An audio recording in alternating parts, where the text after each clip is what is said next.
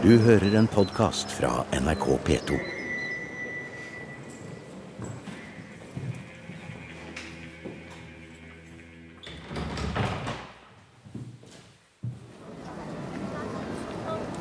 Ja, nå har vi kommet fram til eh, det som vel er museums eh, siste sommerprogram. Eh, Og vi står foran en hel høstsesong. Men Jan Henrik, hvor er det vi har kommet hen her nå? I bakgrunnen her vi hører? Eh, Det er fra Breiterstrasse i Lübeck, like ved Sankt Marienkirche, og vi skal tilbake til Lübeck eh, senere i programmet. Ja, Og ikke bare i dette programmet, men det er jo sånn at du, Jan Henrik, skal jo være hovedprogramleder i museum utover hele høsten.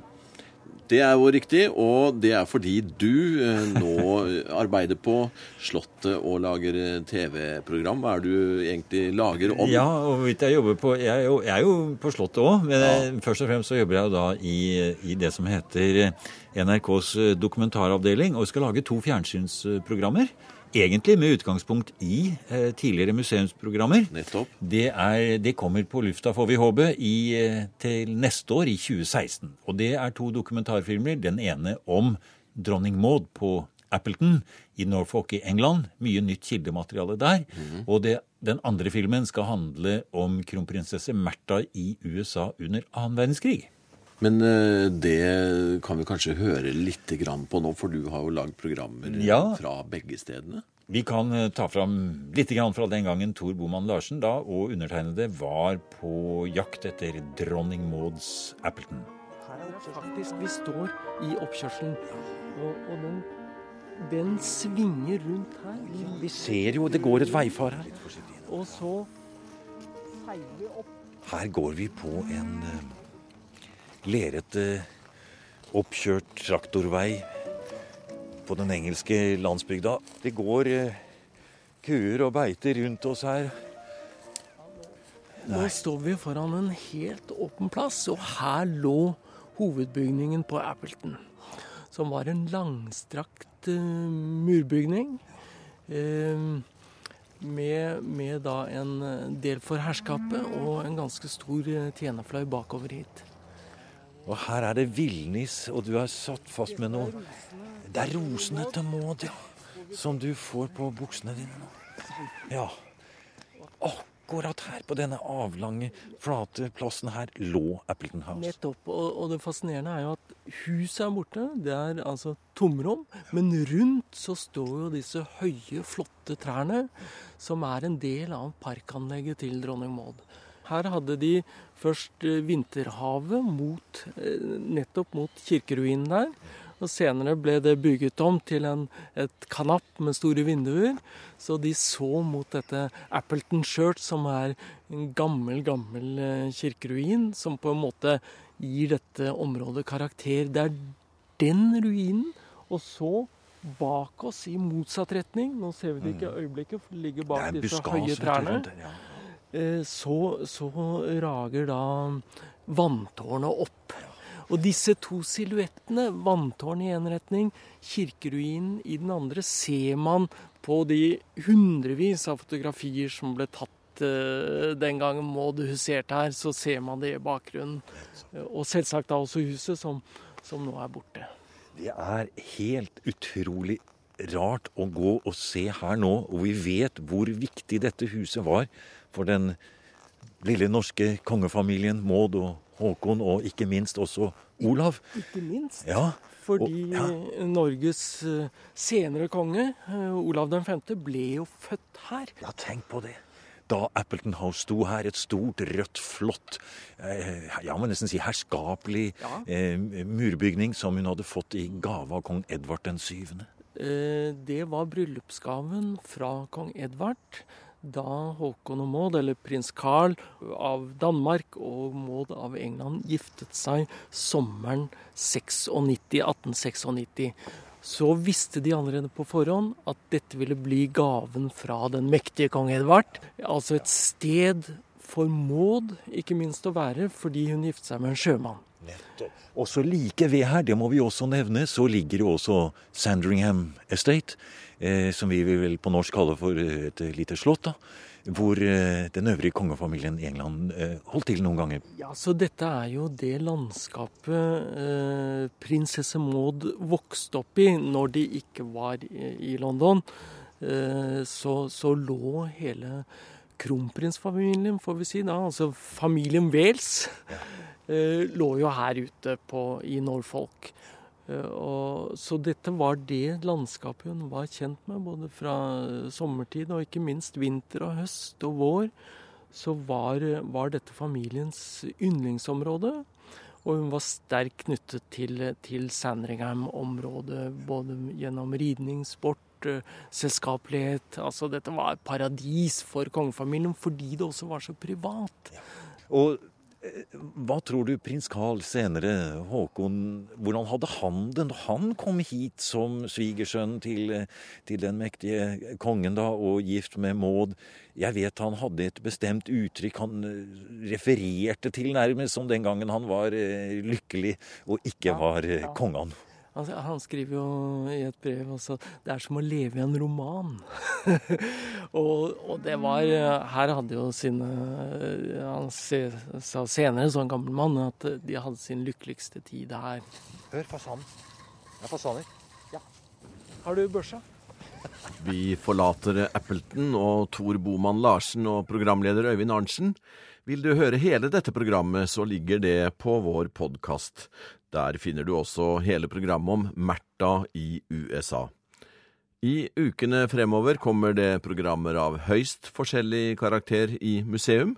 Vi skal blant annet til Bergen, hvor et nytt historisk arkiv eh, nylig er etablert. Det er Skeivt arkiv, og det ligger på Universitetsbiblioteket. Og nå skal vi gi en liten smakebit fra dette programmet. Og det er professor Tone Hellesund som har vært med i referansegruppen som arbeidet fram Skeivt arkiv. Og vi skal nå høre litt om peppermøer. Ja, hva er egentlig peppermøer? Dere har jo funnet akkurat passe avstander da, til Ja. alt mulig her. For Nygårdshøyden var litt sånn skoleområde. Da. Sånn at Ja. du har eh, Handelshøyskolen, der Ask Burlefot fra sangen om den røde rubinen, den lå rett her oppe. ja. Og han skriver i boken sin om hvordan han så ned på pikene som var i, i, på skoleplassen på frøken Lindstrøms skole. Riktig, og den er vi her utafor nå. Nå står vi utenfor det som var frøken Ja, Lindstrøms Olav pikeskole. Kyrres gate. Ja, den gangen het det Forsvinkels gate, nå heter det Rosenberggaten. Og her inne var det da pikeskole fra 1884, tror jeg. Og frøken Lindstrøm bodde her i tredje etasje sammen med sin medbestyrerinne Ja. og livskamerat Johanne Gjertsen. Så de bodde på skolen og drev skolen sammen da, i flere tiår. Så dette var en av de mange eh, pikeskolene i Bergen, og en av de absolutt velrenommerte pikeskolene i Bergen. Akkurat. Mm. Og det var ditt, eh, eller du hadde det som tema i din forskning da, på Ja, peppermø. Altså disse, Sofie Lindstrøm og Johanne Gjertsen, de er ett av hundrevis, sikkert tusenvis av sånne peppermøpar som, som eh, levde i Norge på denne tiden. Eh, mange av de traff hverandre under studiene, eh, på lærerinneseminarer f.eks. Ja. Noen av de studerte i utlandet, Ja. på sykepleierskolene Ja. eh, osv. Så videre, sånn at eh, mange av de dannet parforhold allerede fra studieårene. Legene, legepar var det mange av. I det hele tatt en rekke sånne kvinnepar fantes i disse her nye kvinneyrkene. Dette var liksom perioden der mm. denne kategorien kvinner endelig fikk da sjansen til å ta seg utdannelse, komme ut i samfunnsliv osv. Uh, muligheter de benyttet seg veldig ivrig og, og begjærlig av. Eh, og så var det også på en måte en historisk periode der det var mulig også å danne litt nye typer eh, sosiale relasjoner.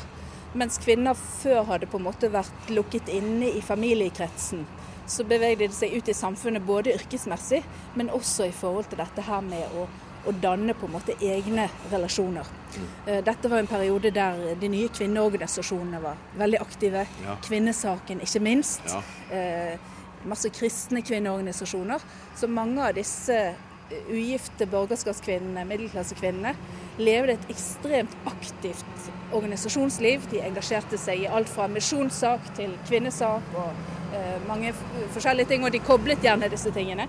Eh, kristendommen var ingen forhindring for, for feminisme, feminisme, tvert imot. Eh, og så var det også mange av de som eh, på privat basis eh, dannet liv sammen med nære venninner. Og noen av disse venninneforholdene var romantiske Ja. eh, relasjoner. Andre var det ikke. Ja. Eh, Det kunne være praktiske grunner til arrangementet. Men mange av disse var også helt klart eh, hverandres nærmeste og, og skapte seg et liv sammen. Og det var professor eh, Tone Hellesund i forbindelse med Skeivt arkiv. Et arkiv som vi kommer tilbake til med et program om ikke så lenge. Museum i dag er et sommermagasin med klipp fra programmer som har gått, og med smakebiter fra programmer som snart skal eh, komme. Nå skal vi fly til Bodø, og faktisk skal vi under jorda på selve flyplassen, altså den militære delen. I vinter hadde vi et program fra Norsk Luftfartsmuseum, og det handlet om den kalde krigen. Hva den har betydd for Nord-Norge, men også hvordan den kalde krigen ble opplevd i Estland og i Polen og i DDR. I den forbindelse var vi med konservator Carl Kleve nede i Anlegg 96, landets eneste atomsikre flyhangar. Programmet kommer senere i høst, og nå skal vi bli med et par minutter ned i den gigantiske underjordiske flyhangaren. Å, jeg traff ikke på akkorden. Det var en gang for mange år siden en i Bodø kommune som lurte på om kanskje de kunne ha en opera her inne i anledning Nordland musikkfestuke. Ja, hjelpe meg. For at akustikken ville være ganske fin. En ekko-opera. Ja, så jeg vet jo ikke helt hva man kunne hatt, da. For det er mye ekko. Så man kan jo tenke seg da lyden av 18 Starfighter jagerfly som står her inne på rad og rekke. Vedlikehold eh, her i disse to Det er to hovedhaller Ja. som er et par hundre meter lange nesten, Ja. hvor Starfighterne sto oppmarsjert. Og så har du da tre åpne stoller imellom, Riktig. eh, hvor man driver med vedlikehold. Og da tester man motorer og, og holdt på. Ja. Går det an å få eh, hørselvern som tar sånt noe nå? Jeg vet ikke. Det, mm, jeg tror nok at man tok litt lettere på sånt på 60-tallet enn man gjør i dag. Eh, de som jobbet på piloter, bakkemannskap, sånn i 31-skvadronen fra 1960 til 1996, de var jo pal her inne hele tiden. Vi har frivillige på museet, pensjonister, som hjelper oss med restaurering av fly, Ja. guiding, som har tilbrakt hele sin yrkesaktive karriere her inne. inne her, ja. Ja. Dette er det eneste atomsikre hangaranlegget i Norge. Dette her er etter vår mening eh, Norges største og viktigste og mest eh, tidstypiske festningsanlegg fra den kalde krigen. Dette anlegget her, anlegg 96, er for den kalde krigen som Akershus festning er for Oslo i middelalderen. Eller, eller Vardøhus i Vardø. Eh, eller Oscarsborg for, eh, for andre verdenskrig. Hvis man skal bevare noe tidstypisk kald krig, så er dette det beste, føler vi. Men så langt i prosessen så, så ser det ikke ut til å gå den veien. Nei, Forsvaret holder på med en landsverneplan i disse dager hvor de foreløpig foreslår å ikke bevare dette. De vil fotodokumentere det, men, men eh, de syns vel at det blir for kostbart å bevare.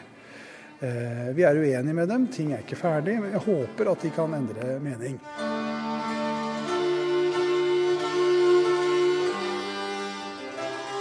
Fra kald krig til handel og vandel i middelalderen.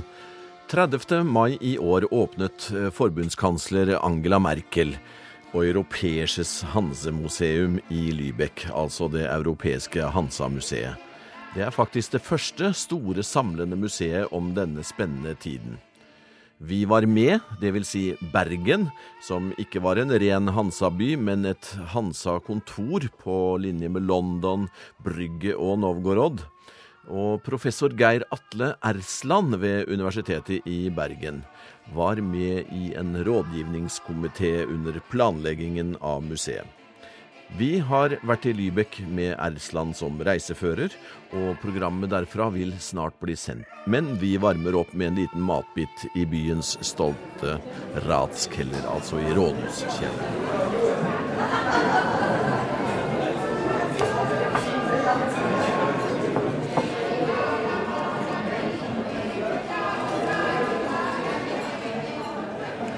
Ja, nå er vi midt på Rådhusplassen og nede i Ratskeller. Her har du vært eh, mye. Ja, slik var det jo i de tyske rådhusene i Nord- Nord-Tyskland. Nord det var eh, rådhushall eh, i Erstestokk, altså og i kjelleren der var det restaurant, eller vinkjeller var det jo det skulle være. Den som vi sitter i nå, er nok under hvelvingene som har vært fra middelalderen. Og her har de nok servert både øl og, og mat og vin like lenge. Tradisjonen har jo holdt seg. og nå er den jo liksom omgjort til en mer sånn tysk Spisekabin. Spisekabin eh, og, og, sånn. Men, Men, med eh, historie fra Lübeck på, på, veggene her? Vi er jo så heldige at vi har fått selskap på veggen. Ah, danke schön. Vi er jo så heldige at vi har fått uh, selskap av brødrene Mann. Ja. Heinrich og Thomas Mann, som jo var født uh, like to steinkast herifra, eller vokste opp. Ja. Eh, så eh, Og Thomas fikk vel eh, Nobels Thomas fikk Nobelprisen. I 21, eller var det ja, eller noe sånt. Eller var det 25? Jeg husker ja, ikke. For huset Bodenbroch. Huset Bodenbroch, ja. Og, og det huset det kjøpmannshuset de vokste opp i, det ligger jo rett bak Marienkirche. Ja. Og der Det er jo Thomas Mann House, eller Bodenbrook House i dag. Som museum over disse brødrene. Ikke bare Thomas som vi kjenner, men ikke minst òg Heinrich Mann, som var en, eh, en framstående intellektuell samtidig. Jeg må jo si, eh, og har erfart sjøl, at etter at jeg leste Jeg hadde vært mange ganger i Lybekk, men etter å ha mm. lest huset Bodenbroch, mm. så ble det en helt ny opplevelse å komme ja. hit. Det er klart at du forstår jo det Lübeck som vi ser. Det er jo på en måte det borgerlige Lübeck fra 1800-tallet, da Bodenbroch foregår med slutten på de, de store handelshusene som har liksom sine tradisjoner tilbake til middelalderen. Og, og det er jo en forfallegne familie. Det er jo en forfallet til en til den gamle handelstradisjonen vi ser ja. der, som går ut. Så dette er jo et eh, slik sett så kan du si Lübeck har veldig mange lag for den historisk ja, interesserte. Det er nesten glørne etter ja. Hansa-tiden. Eh, ja. Det er snakk om ja. eller Aska, kanskje. Ja. Men så har vi da den, det moderne Lübeck. Og, og, fremdeles så hadde jo Lübeck sin fristatstilling. Så det, Lübeck korresponderte og utveksla eh, sende, altså med stater som om de var en likeverdig. Jeg, vet at nede borte på, uh, i bybiblioteket, der, uh, der, har de jo stortingsforhandlingene fram til 1937. Det ble utveksla som om de skulle være likeverdig stat med Norge. Men da gjorde Hitler-Tyskland slutt på disse, den, uh, disse fristatene og inkorporerte de i i Das Reich og enhetsstaten, nazistenes enhetsstat. Da var det slutt på moroa. Men eh, nå må vi Nå er jeg tørst. Ja, det var det. Etter byvandring og museumsbesøk og Altfor mye. Ja. Altfor mye informasjon. Vi må slutte med det. Vi kan ikke holde på med det nå. Skål. Skål. Og den satt. Ja, Jan Henrik, nå har vi hørt litt om eh, eh, noe av det som eh, museumslyttere kan eh, høre utover høsten. Men det er, jo, det er jo mye som ikke er planlagt også, selv om det er enda mer på lager enn det vi har hørt her. Og vi har jo tenkt å finne noe inne på museumspremielager, vi. Ja, der har vi jo noen flotte eh, DAB-radioer. og mm med museumslogo på, så er det virkelig Det er eh, sjeldne og flotte ja. premier, altså. Og det er, eh, det er samleobjekter som passer seg en, eh, et museumsprogram. Men vi skal altså til å spørre publikum om noe her. Vi vil ha, vi vil ha faktisk litt råd, litt forslag, ja. litt tanker. Det er ikke en konkurranse i den forstand. Nei, men vi ønsker eh, at noen som kanskje sitter med eh, en eh, idé mm. om det burde museum ha mhm. sett på eller lage noe mm. om. Ja. Og få utløst det mhm. blant våre lyttere. Rett og slett eh, museumslyttere som kanskje kjenner til ting i lokalmiljøet, kanskje de selv har noe samtidshistorie de vil fortelle om. Ja. Kanskje det er eh, ting vi har oversett litt, eh, som steder vi bør besøke. Da må de jo skrive en eh, mail til museum og presentere sin idé. Eh, og mailadressen den eh, er du sterkere på enn meg, tror jeg. Ja, men da da skal vi gjøre det veldig enkelt, for Ja. da sier vi at mailadressen det er museum, krøllalfa, nrk.no. Ja. Navnet på programmet, rett og slett. Museum, krøllalfa, nrk.no. Og da ber vi lytterne å sende inn forslag til oss. Hva bør vi besøke? Hva bør vi lage noe på? Det kan være ting som lytterne har kjennskap til og kan forklare nærmere, eller de kan be oss om å undersøke noe. Så får de altså da muligheten til å vinne en DAB-radio. Ja, for vi må gjøre en vurdering da selvfølgelig og plukke ut uh, et prosjekt som vi syns den, den var flott. Men uh, vi må ha en tidsfrist. Vi må ha tidsfrist, ja. Ja, da må vi si eh, innen utgangen av august, kanskje. Ja. Så 1. september så, så går dette ut. Og da vil det bli første program i september, så offentliggjør vi de stedene vi eventuelt reiser til, og hvem som har vunnet en DAB-radio med museumsemblem. Nå skal vi høre et uh, lite eksempel fra et program om samtidshistorie. Det ble sendt i februar i år, og opptakene ble gjort på norsk etnologisk gransking. Og det handler om uh, tradisjonen å fri. Ei venninne var veldig opptatt av at hun skulle ha et spesielt frieri, men visste at samboeren aldri ville finne på noe kreativt. Så hun pakket seg selv inn i ei eske og fikk noen til å levere seg på jobb til kjæresten for så å fri. Kvinne født 1973. Jeg har fridd to ganger, i 1978 og 2009. Vi spiste på en fin restaurant, og jeg spurte like før desserten. Fikk ja begge ganger. Mann født 1956. Se her, ja. Her kommer vi inn i noe som for alle arkivarer og historikere er flott. vet du, Store rullekabinettet. Her er det mye, altså. Arkivet til Norsk Folkemuseum. Dette er minnet, hukommelsen til Folkemuseet. Nettopp. Og alle disse skuffeseksjonene som du ser foran deg her, det er da det er her vi oppbevarer disse dokumentene til Norsk etnologisk gransking. Her er det papirsvarene ender opp. Her ligger selve gullet i Her ligger gullet. Ja. Her ligger all den fantastiske, faktiske informasjonen om eh, både eldre kultur, men også i dag om vår samtidskultur.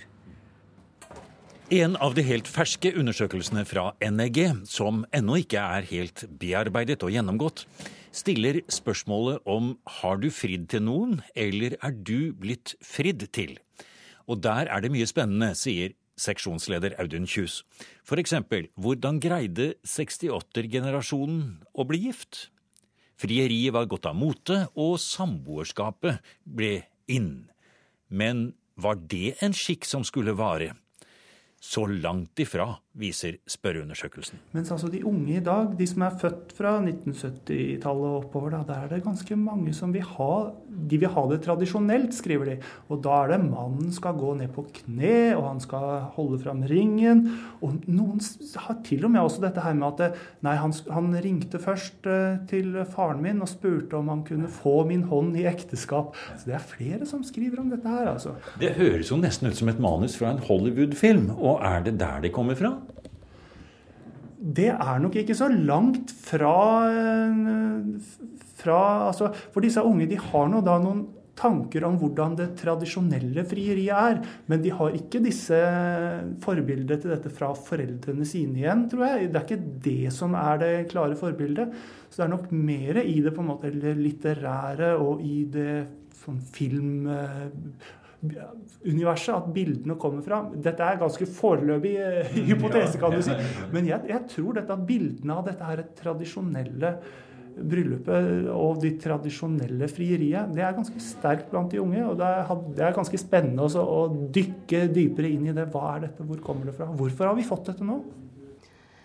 Jeg synes den som frir skal stå på et kne om han velger å knele, men jeg forstår ikke logikken i det. Jeg er litt gammeldags og syns det ideelle romantiske er at mannen frir. Ellers er det fint å være litt oppfinnsom, gjerne spontan også. Kvinne født 1982. Den ene gangen jeg faktisk har stilt spørsmålet, skjedde det altfor spontant og uoverveid. Vi hadde ikke følge, jeg hadde ikke engang kyssa henne. Men vi var venner, jeg var hjemme henne og hadde fått henne til å sette seg på fanget mitt. Vi var begge voksne. Jeg var 25 til 26, hun et par år yngre. Som sagt, spørsmålet kom spontant og uoverveid, og hun bare lo av meg. Jeg følte meg veldig flau etterpå. Jeg er nå gift for andre gang, og begge gangene har det kommet i stand nærmest gjennom en gjensidig forståelse, uten noe egentlig frieri. Mann født 1939.